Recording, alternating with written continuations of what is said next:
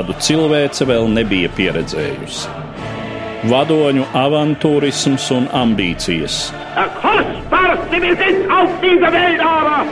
Valsts vīru neizlēmība un ilūzijas. Arvien jaunas valstis ievilktas kara virpulī. United States of America was suddenly and deliberately attacked. Nežēlīgi malti cilvēku un tautu likteņi. Lai dzīvo darba tautas draugs un ģeniālais vadonis biedrs Stalins! Otrais pasaules karš sarunās ar Eduardu Liniņu raidījumu ciklā Satumsums. Labdien, cienījamie klausītāji! Šodien es vēlos pievērsties nelielai, bet samērā zīmīgai epizodei laikā pirms 75 gadiem, kad Padomju Savienība okupēja Latviju. Proti, 21. jūnijā, cik zināms pēc pirmās sarunas ar jauno iekšlietu ministru Vili Lāci savā darba kabinetā dzīvi pašnāvībā beidz ģenerālis Ludvigs Bolsteins, Latvijas robežsardzes priekšnieks. Mani sarunbiedri šodien studijā vēsturnieki Inese Dreimani no Okupācijas muzeja un Juris Ciganovs no Kara muzeja. Labdien! Labdien! Labdien.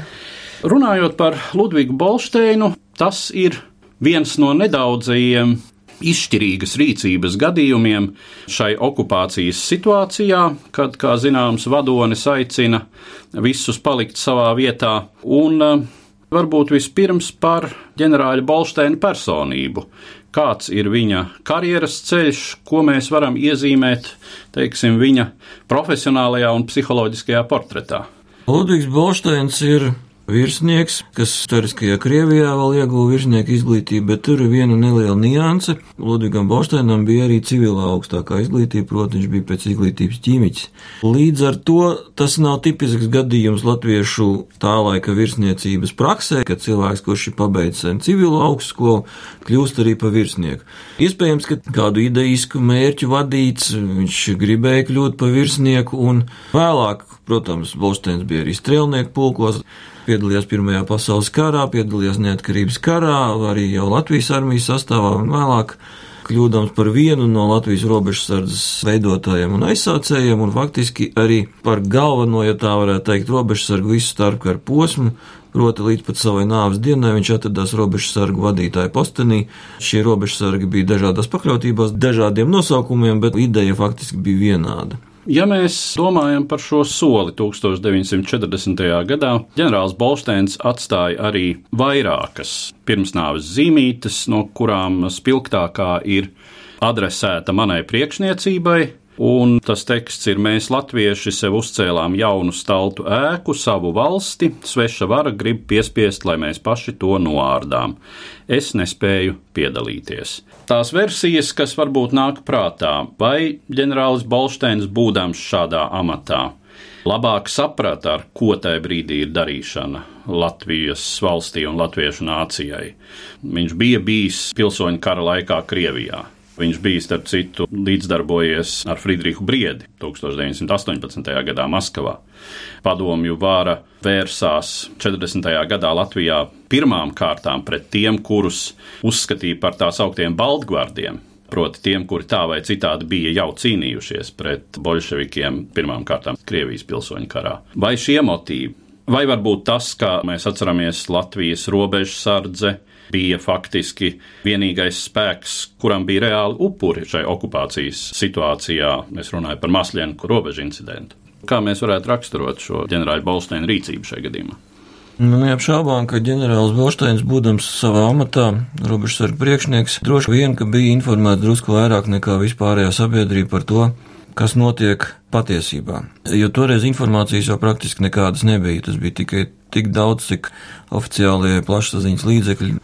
Ja tautas vadonis Kārls Lomans teica, ka viss ir kārtībā, ka viss notiek valdības ziņu, sarkanā armija šeit ienāk valdības ziņu un pilsoņi palieciet savā vietā, nu tad lielākā daļa pilsoņu, protams, ka paliks savā vietā. Šābām, ka bija neziņa, bija zemapziņas priekšnojautas, tas viss noteikti bija, bet publisko pašnāvību izdarīja divi cilvēki - Ludvigs Bolšteins un Pulkets Celmiņš. Pulkets Celmiņš bija militāras pretuzlūkošanas priekšnieks un Ludvigs Bolšteins bija robežsargu priekšnieks ir skaidrs, ka viņi bija viens otru sasaistē. Aģentu pāraudzība notiek arī, protams, ar robežsargu priekšnieka palīdzību. Jā, tas, ka viņš bija Balto pusē Krievijas pilsoņu kara laikā un bija arī ciets no padomju varas, domāju, ka arī viņš saprata, ka tā vara, kas nāk iekšā, lai arī kā šī vara mēģināja pateikt, ka 40. gada padomju savienība nav 19. gada padomju Krievija, tas ir kaut kas cits, bet viņš saprata, ka laikam, ka tas ir tas pats. Es piedomu, ka viņam bija zināma daļa arī ideālista, un tas varbūt tas arī šo rīcību arī tā skaitā ietekmēja. Pirmkārt, mēs vispār nezinām, par ko tika runāts ar Ludvigu Bolsteinu šajā tikšanās laikā. Taču varētu būt, un gandrīz pilnīgi noteikti viņam varēja tikt norādīts uz to, ka viss viņa līdzšinējā darbība un informācija, kas ir viņa rīcībā, tagad nonāks citās rokās, pagaidu valdības un attiecīgi amatpersonu rokās. Robežu sardzēji bija sava aģentūra, pierobežā. Tie bija cilvēki, kuri informēja robežu sargus, jo robežu sargs tas nav tikai vīri zaļās formās ar šautenēm un krāsot stabiņi. Tā ir aģentūra, tie konkrēti cilvēki, tie ir aģentūras materiāli, ziņojumi un pretpasākumi. Tas ir gadījumi, kad pāri robežai nāk un ne tikai kontrabandisti ar tabaku un zīdzeķiem, bet arī sarkanie diversanti, propagandisti un nelegālā literatūra. Es pieņemu, ka Ludvigs Bolšēns ļoti labi saprata to, ka, ja šī operatīvā informācija nonāks nepareizās rokās, tad ārkārtīgi liels daudzums cilvēku ļoti nežēlīgi cietīs. Un varbūt viņš arī ļoti labi saprata to, ka viņš varētu pats neizturēt, ja viņam tā brutāli pajautās par cilvēkiem, kas bija sadarbojušies ar robežu sardzi, un kā viņš nosauks vārdus. Un iespējams tas arī bija viens no motīviem, kā vismaz nebūt līdzvainīgam vēl arī citu problēmās. Jo, kā mēs zinām, Visi nerīkojās tik atbildīgi. Politiskās policijas priekšnieks Jānis Frīriksons skrauja, kā zināms, nodeva visu savā rīcībā esošo operatīvo kartotēku, visu informāciju, tā, tā brīdī, tā teikt, valsts drošības pārvaldes priekšniekam Vikentiem Latkovskim, burtiski jūsējiem no mūsējiem. Un pāris mēnešus čekistiem nekas cits nebija darāms, kā vienkārši pēc alfabēta izrakstīt arestu orderus. Un, acīm redzot, Ludvigam Bolšteinam varēja nebūt pieņemama doma par to, ka nāksies pakļaut briesmām citus. Tā kā faktiski, ja viņam arī neizdevās izglābt savā pakļautībā esošos cilvēkus, tad vismaz viņš neatviegloja komunistu represīvajām struktūrām darbu līdz minimumam. Es personiski atceros kadrus no vienas mākslas filmas, kur tiek dedzināti dokumenti, un tas vispārējais priekšstats ir tāds, ka šīm sevišķi slepenajām drošības struktūrām vajadzētu pēc iespējas iznīcināt to rīcībā esošo informāciju. Nu, galu galā mēs zinām, kā tas notika ar Valsts drošības komitejas materiāliem 1991. gadā, kad ļoti liela daļa no tiem pazuda mums zināmā virzienā, lai tā sacīt nepaliktu jaunās varas rīcībā. Kā tas notika 1940. gadā Latvijā? Kadri no šīs filmas ir vairāk vai mazāk precīzi. Militārās pretlūkošanas arhīvs bija iznīcināts, to izdarīja Pulkada Selmiņš kopā ar savu aģitantu, personīgi viņu sadedzinot toreizējās kara ministrijas pagrabos Kurtuvē. Atmiņās bija rakstīts, ka kara ministrijas apkārtnē 17. jūnija rītā lidoja pelnu plēksnes no tā, ko viņi tur bija dedzinājuši. Tas jau bija arī viens no iemesliem, kāpēc čekisti tik ļoti cītīgi mēģināja parunāt ar pulkvedi celmiņu vēlāk Noteikti, tas bija arī iemesls, kāpēc šis cilvēks izdarīja pašnāvību, tāpēc, ka labi dokumenti bija sadedzināti, kartoteka bija sadedzināta, bet daudz kas jau bija vēl galvā, un uh, noteikti, viņš saprata, ka arī viņš var neizturēt, ja viņam paprasīs tā ciešāk. Mēs nevaram gūt pēc dokumentiem pilnu ainu par mūsu militāro pretizlūkošanu, jo informācijas ir ļoti maz saglabājies. Viņi tur diezgan pamatīgi bija šo arhīvu iztīrījuši laikā, kad Krievijas tanki nāca Rīgā iekšā, bet es domāju, ka ar savu rīcību viņi izglāba diezgan daudz cilvēkus. Attiecīgi konkrēti rīkojās arī, piemēram, tās pašas politiskās policijas Rīgas apriņķa priekšnieks Štiglits kurš ar savā rīcībā esošajiem operatīvās kartotēkas materiāliem vienkārši pazuda nezināmā virzienā. Un viņu cītīgi meklēja visu 40. un 41. gadu, viņš nebija nekur atrodams. Vēlāk viņš izrādījās bija dzīvojis nelegāli un atgriezās tikai jau vācu laikā, jau pēc nacistu okupācijas karaspēka ienākšanas Rīgā. Un arī viņš savā ziņā glāba ne tikai sevi, bet viņš glāba arī cilvēkus un informāciju. Šī informācija gan nav tikusi iznīcināta, ja es pareizi atceros, viņš savā rīcībā esošos materiālus vienkārši paņēma sev līdzi. Tas ir lasāms dokumentos, izmeklēšanas materiālos par cilvēkiem, kur tobrīd strādāja politiskajā pārvaldē un bija saistīti ar to, ko darīja Friedrichs Skrauji, ka viņš šo informāciju nodeva un to, ka vienā brīdī vienkārši nekur nebija atrodams Štiglits un viņa rīcībā esošā operatīvā kartotēka. Es pieņemu, ka noteikti ir varējuši būt vēl kādi gadījumi līdzīgi kaut kur apriņķos, nodaļās. Iespējams, ka kaut ko līdzīgu darīja arī policija mēģinot kaut ko slēpt vai iznīcināt. Bet, nu, lai visu precīzi noskaidrotu, tur acīm redzot, ir jāstrādā papildus un noteikti vairāk konkrētos virzienos, jo arī vēlākā laikā pieejamā informācija viņi ir, viņas ir daudz, bet viņi ir izkaisīti un diezgan lēnām dodās rokā. Tās informācijas izkliedētības dēļ šiem faktiem, ka vispār kaut kas tāds ir noticis, var uzdurties ļoti negaidīt, vispār strādājot pie pilnīgi citām lietām, citiem pētījumiem. Runājot vispār par Latvijas ko mēs šodien saucam par spēka struktūrām. Tā, tā, tā ir armija, tā ir policija, tā ir aizsarga organizācija.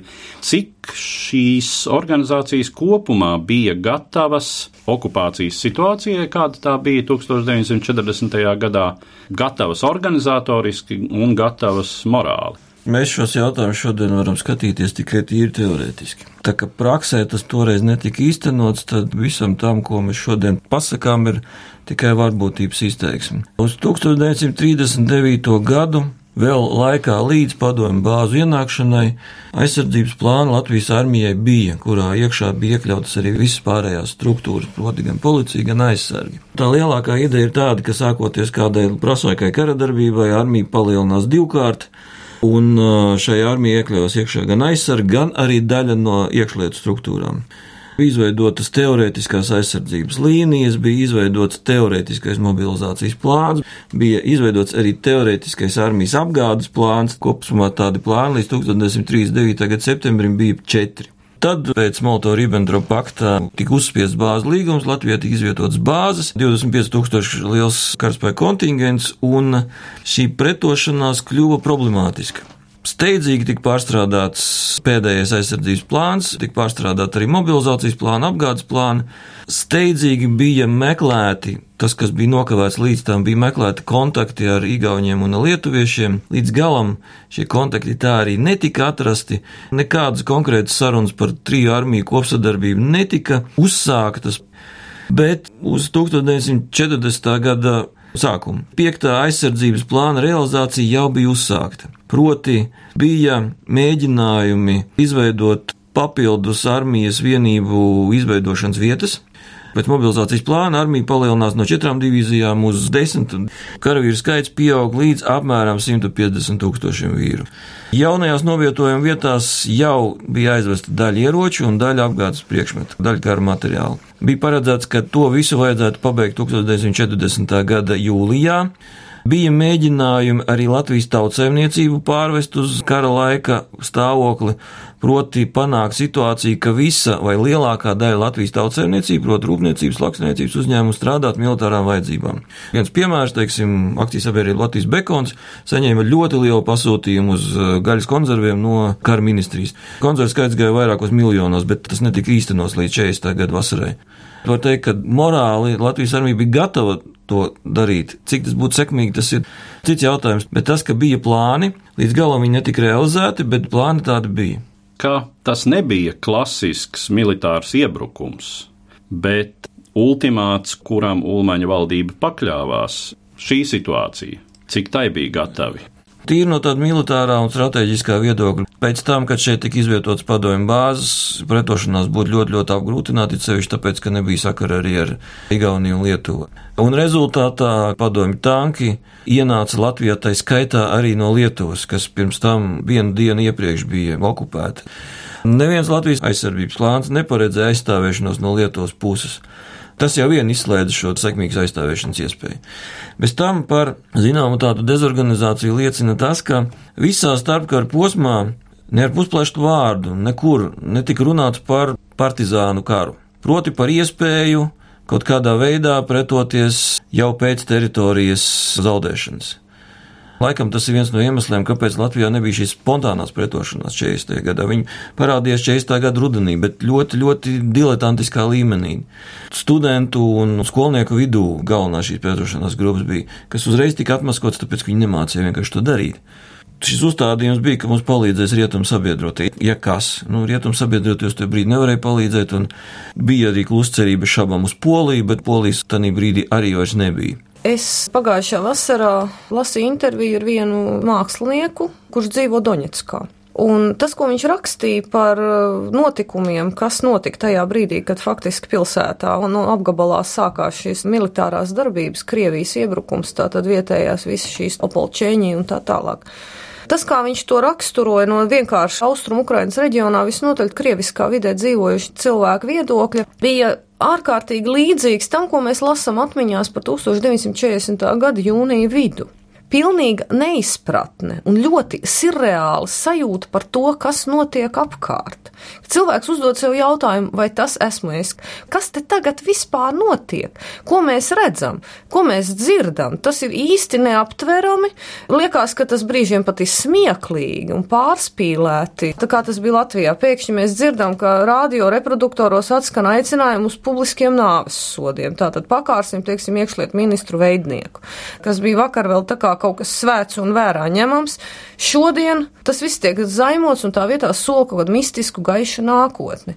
Vidējais aritmētiskais Latvijas iedzīvotājs tādā izpratnes līmenī viņš nespēja saprast, vai tas viss notiek realitātē un vai tas notiek ar viņu. Tāpēc es pieņemu, ka šajās pirmajās nedēļās valstī valdīja arī cilvēku prātos diezgan pamatīga neizpratne, par ko vienā ziņā viņus arī nevar vainot, jo tomēr kopš Pirmā pasaules kara un visiem vēlākiem notikumiem zināms laiks jau bija pagājis, un tā apziņa, ka varētu būt iestājies miers un ilgstoša stabilitāte, tomēr tos prātus bija pārņēmusi. Un arī tā laika plašsaziņas līdzekļi, gan presa, gan radio cilvēks varētu teikt, ka ieejāja. Palasam tā laika avīzes 39. gada septembrī Eiropā sākās karš. Šeit visi vienā balsī apgalvo pie mums, nekas tam līdzīgs nebūs, pie mums kara nebūs. Mēs esam mierīgi valsts, mēs esam neitrāli, te ienāk padomu karaspēks, visi kārtībā, viņi neko nedarīs. Jaunā okupācijas vara, kas 17. jūnija iespējā nomainīja šeit visu, arī tā teica, viss būs tā kā iepriekš, nekas nemainīsies.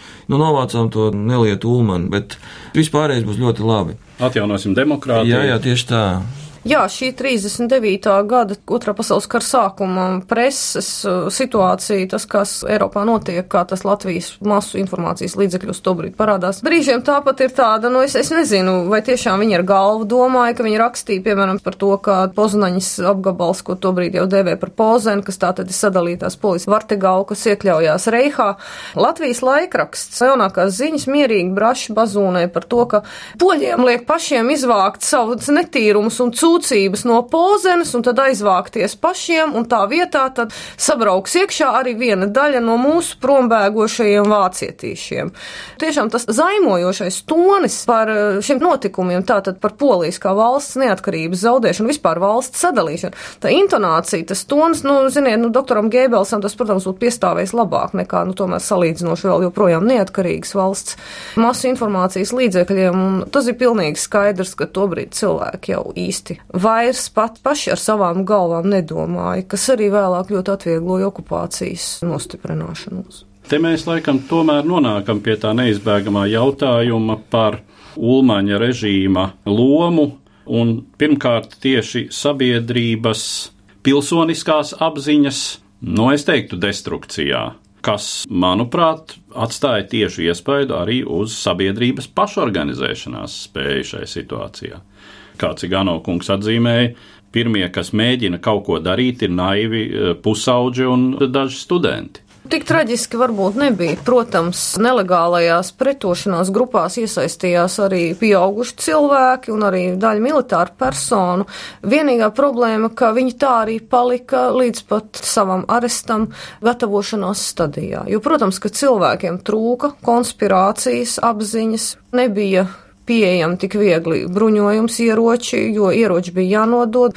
Cita lieta, ka viņus nenodēva. Tā laika laikrakstos ir arī diezgan daudz uzskatīt par nederīgu nozaudētu ieroču apliecību, uzskatīt par nederīgu nozakt ieroču apliecību, kas tā tad ir agrāk izdots. Un, ja ir zināms apmēram personas, tad ir skaidredzams, ka tur tādi pagastvecis ir pazaudējis savu pistoli vai policijas priekšniekam kaut kas ir pēkšņi nozakts no kūtiņas.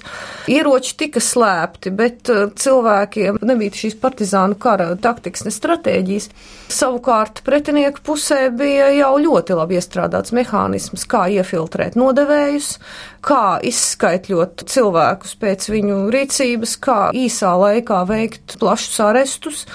Tādēļ arī, diemžēl, prātīgu, organizētu un attiecīgi militāri izglītotu cilvēku vēlme rīkoties līdz pat kara sākumam gandrīz nebija iespējama tālāk par nelegālām proklamācijām, par sarunām. Šur tur jau kaut kāda arsenāliņa bija pieslēpti. Visu jau arī čeka neatrada aresta gadījumos, tāpēc kara sākumā novados pretošanās organizācija Tēvijas sarga viendaļa spēja uzsākt piedalīties militārās darbībās, bet tas tomēr, diemžēl, bija mazāk lielākā daļa. Ko mēs varam šai sakarā teikt par citām Eiropas valstīm, kas nonāk līdzīgā situācijā? Jāteic, ka situācija jau visur ir līdzīga. Visās trijās Baltijas valstīs vairāk vai mazāk ir līdzīga politiskā situācija. Un arī tur vairāk vai mazāk grib un cer klausīt vadonim.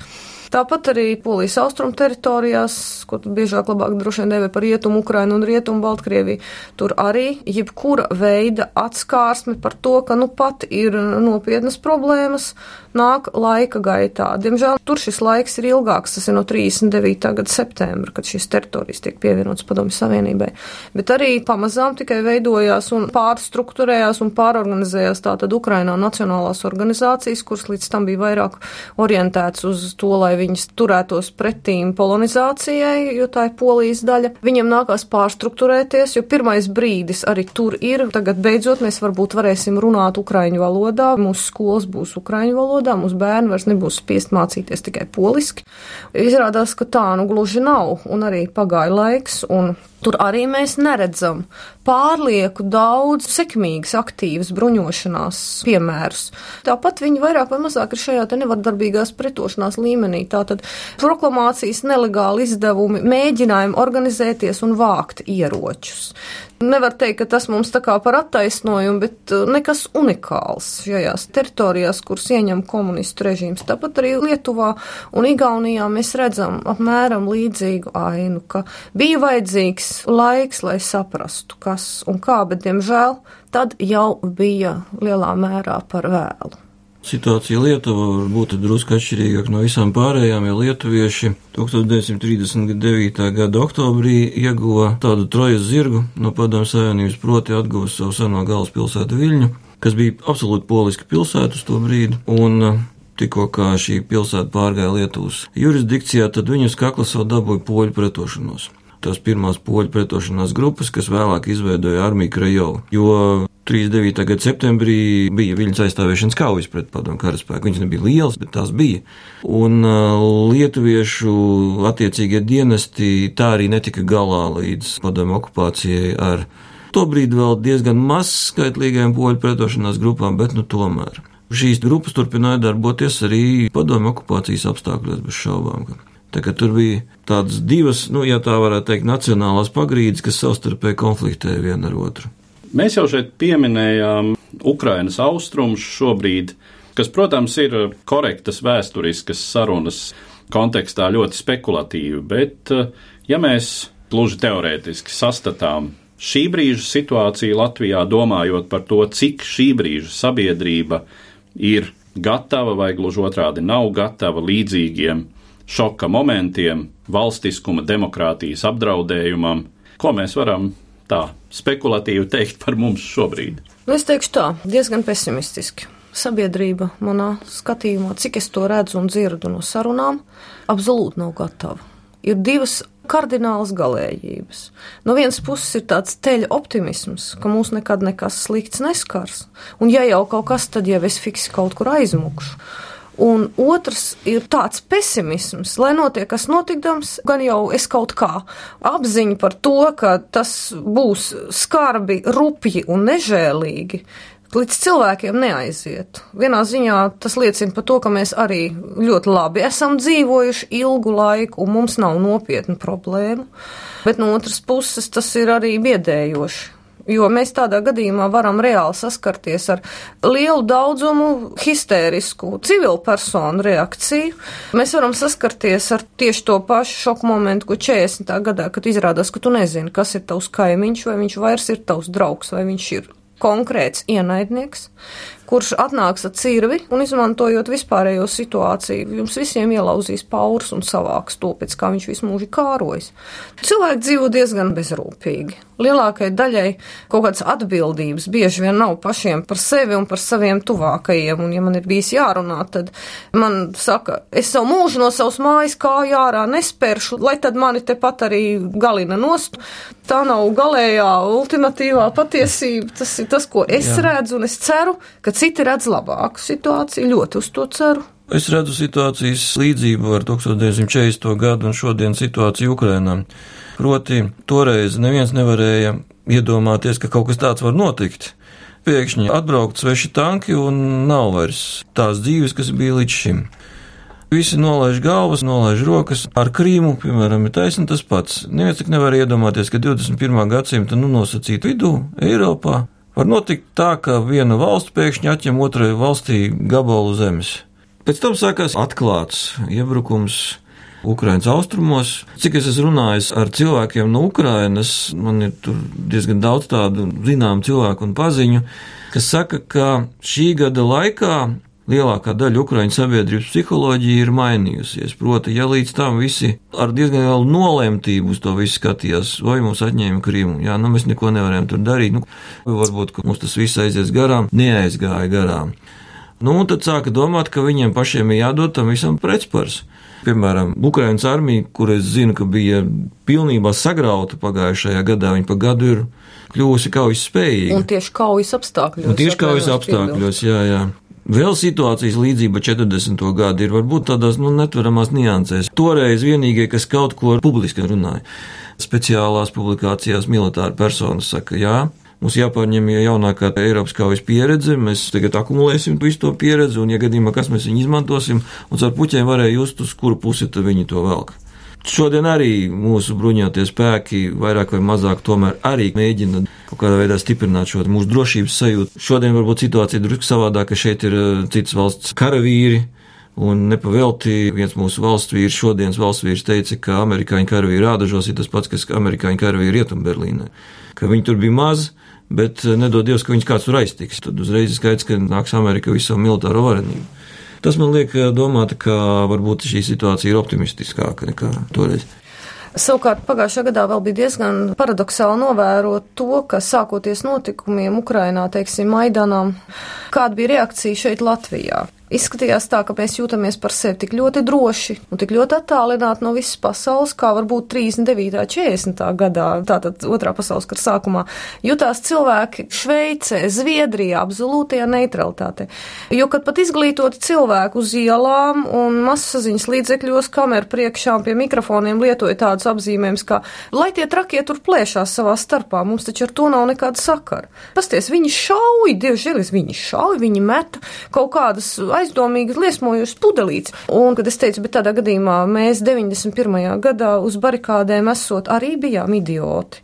Nē, tas bija pilnīgi savādāk. Jā. Mēs drīkstējām. Es saku, bet kāpēc Ukraina nedrīkst? Ja viņiem varbūt pirmoreiz 90. 91. gadā īsti neizdevās, tad otrais mēģinājums mainīt valsts politisko attīstību un virzienu, kurā skatīties.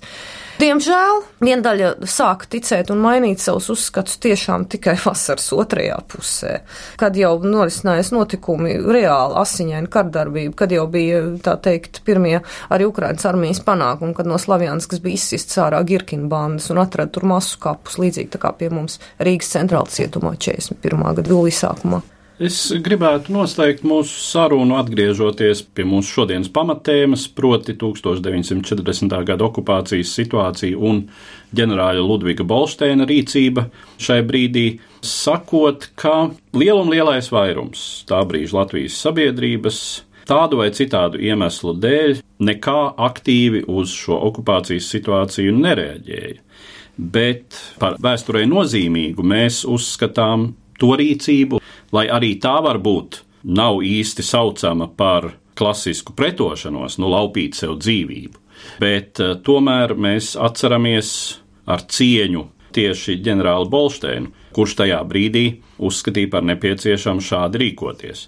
Ar to es gribu noslēgt mūsu šodienas sarunu un saku paldies maniem sarunbiedriem, vēsturniekiem Inesei Dreimanai no Okupācijas muzeja un Jurim Ciganovam no Kara muzeja. Paldies! Raidījumā šīs dienas acīm cikls Satums - sarunas par Otro pasaules karu.